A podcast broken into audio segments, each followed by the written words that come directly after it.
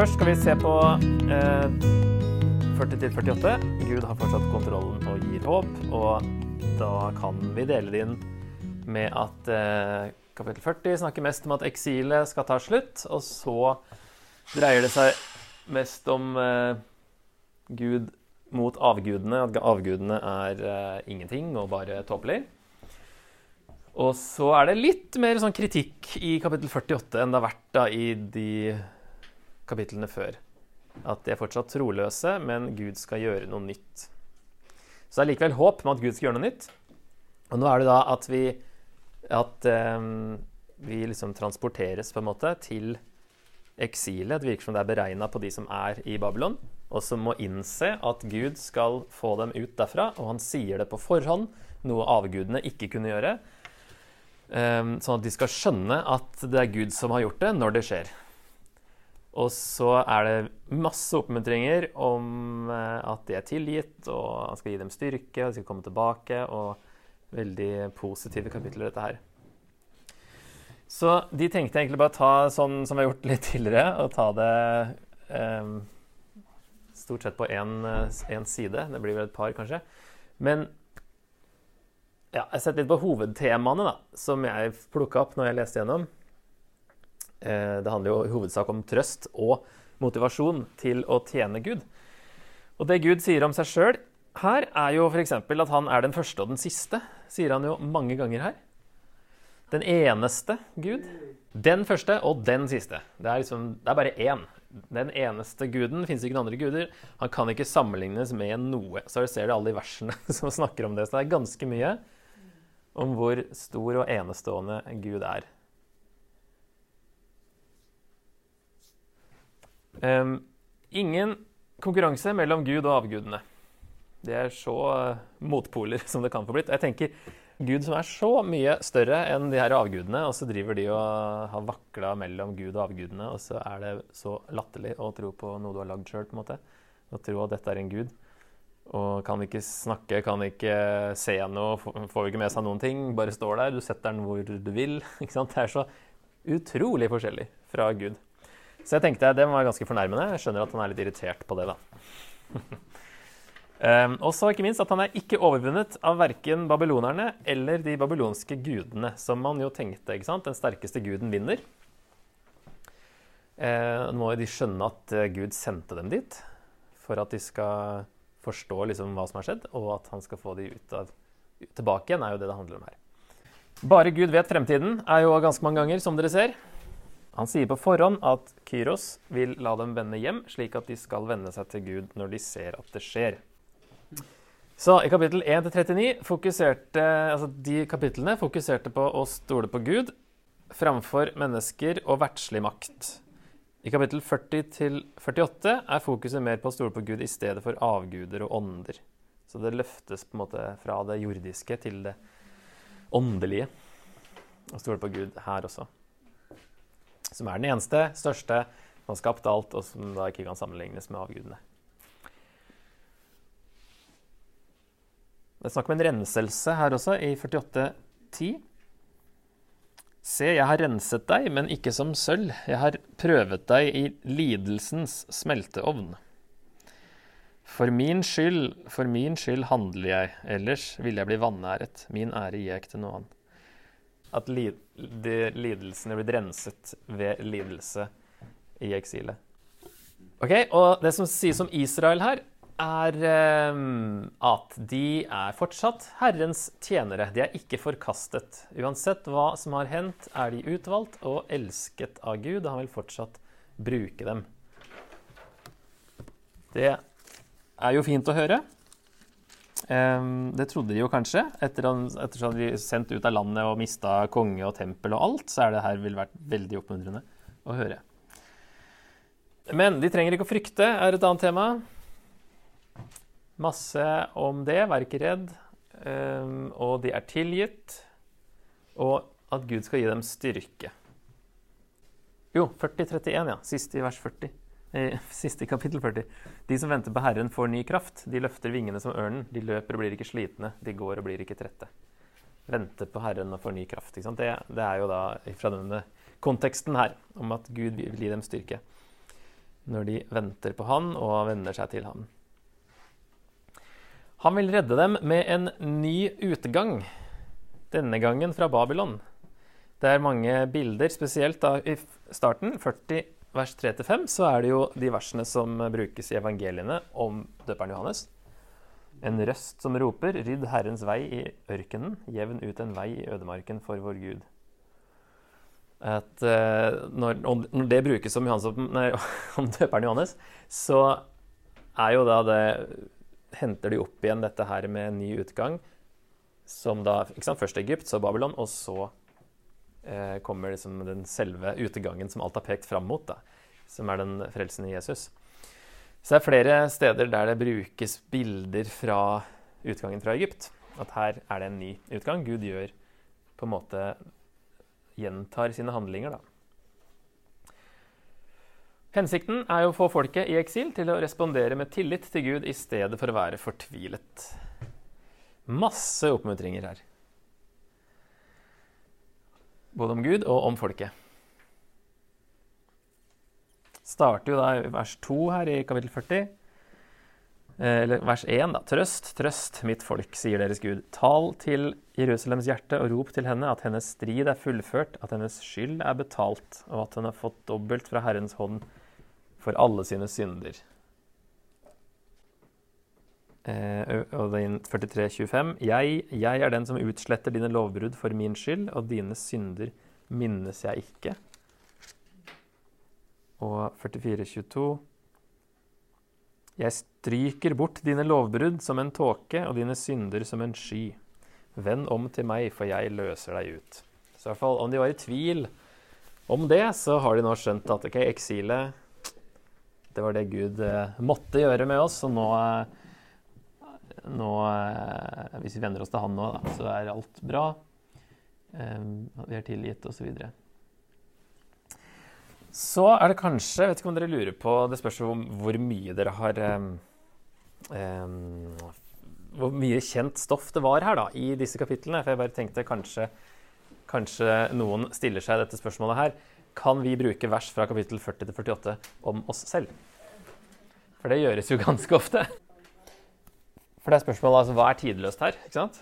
Eh, i det her, og hvor, hvorfor kan vi bruke det da i så fall om oss selv? Og det er jo tidløse sannheter her. Eh, og vi kan òg tenke rent bibelteologisk, så er jo vi en forlengelse av dette folket. sant? Men, men vår situasjon er jo ikke akkurat som deres situasjon. Um, og her òg, masse som, som sier om, om Gud, da, hvem han er, er jo i hvert fall tidløst. Um, og at han trøster og gir håp, er jo en tidløs sannhet. Men så er det da en spesiell situasjon her som vi kanskje tar med i tolkningen. Men uh, det er veldig bra her som vi kan bruke, men det er greit å tenke litt rundt det da, når man bruker det. I hvert fall hvis man bruker det i en eh, tale eller en andakt eller noe sånt.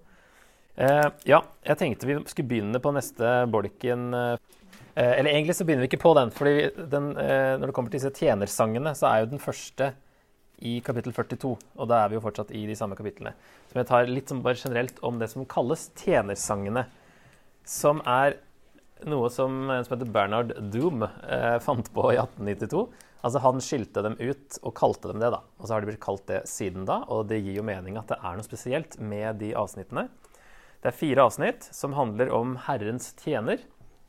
Og de skiller seg ut fordi det brukes om en enkeltperson og ikke om folket. Fordi Israel kalles jo min tjener og, som jeg har utvalgt, og uh, Herrens tjener, flere ganger. Men uh, her er det plutselig om en enkeltperson. Og det er liksom noe, plutselig noe spesielt da, fire ganger utover.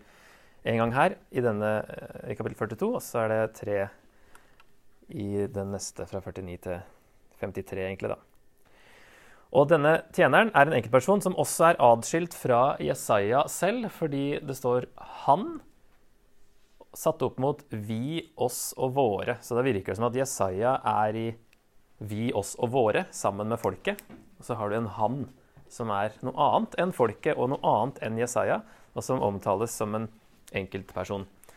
Eh, hovedsak tre tolkninger på dette her. Det ene er at det er en enkeltperson, en historisk person, som vi ikke har sjans til å finne ut hvem i så fall det var. Eh, noen mener jo at det var Jesaja sjøl, eller Deutero-Jesaja sjøl. Altså den, hvis det er en annen enn Jesaja, da. Eh, men da, liksom, da, aner vi ikke hvem det var, i så fall. Eh, eller vanlige jødiske tolkninger er at det er Israel, og de tar alt kollektivt. Eller så er det tredje at det er en enkeltperson, og det er at det er Messias, siden han er atskilt fra folket, og at han eh, gjør noe for folket, da. Første sangen er 42, 1-9. Eh, og der virker det som at tjeneren fremstilles som en rettferdig konge. Se min tjener, som jeg støtter. Min utvalgte, i ham har jeg min glede.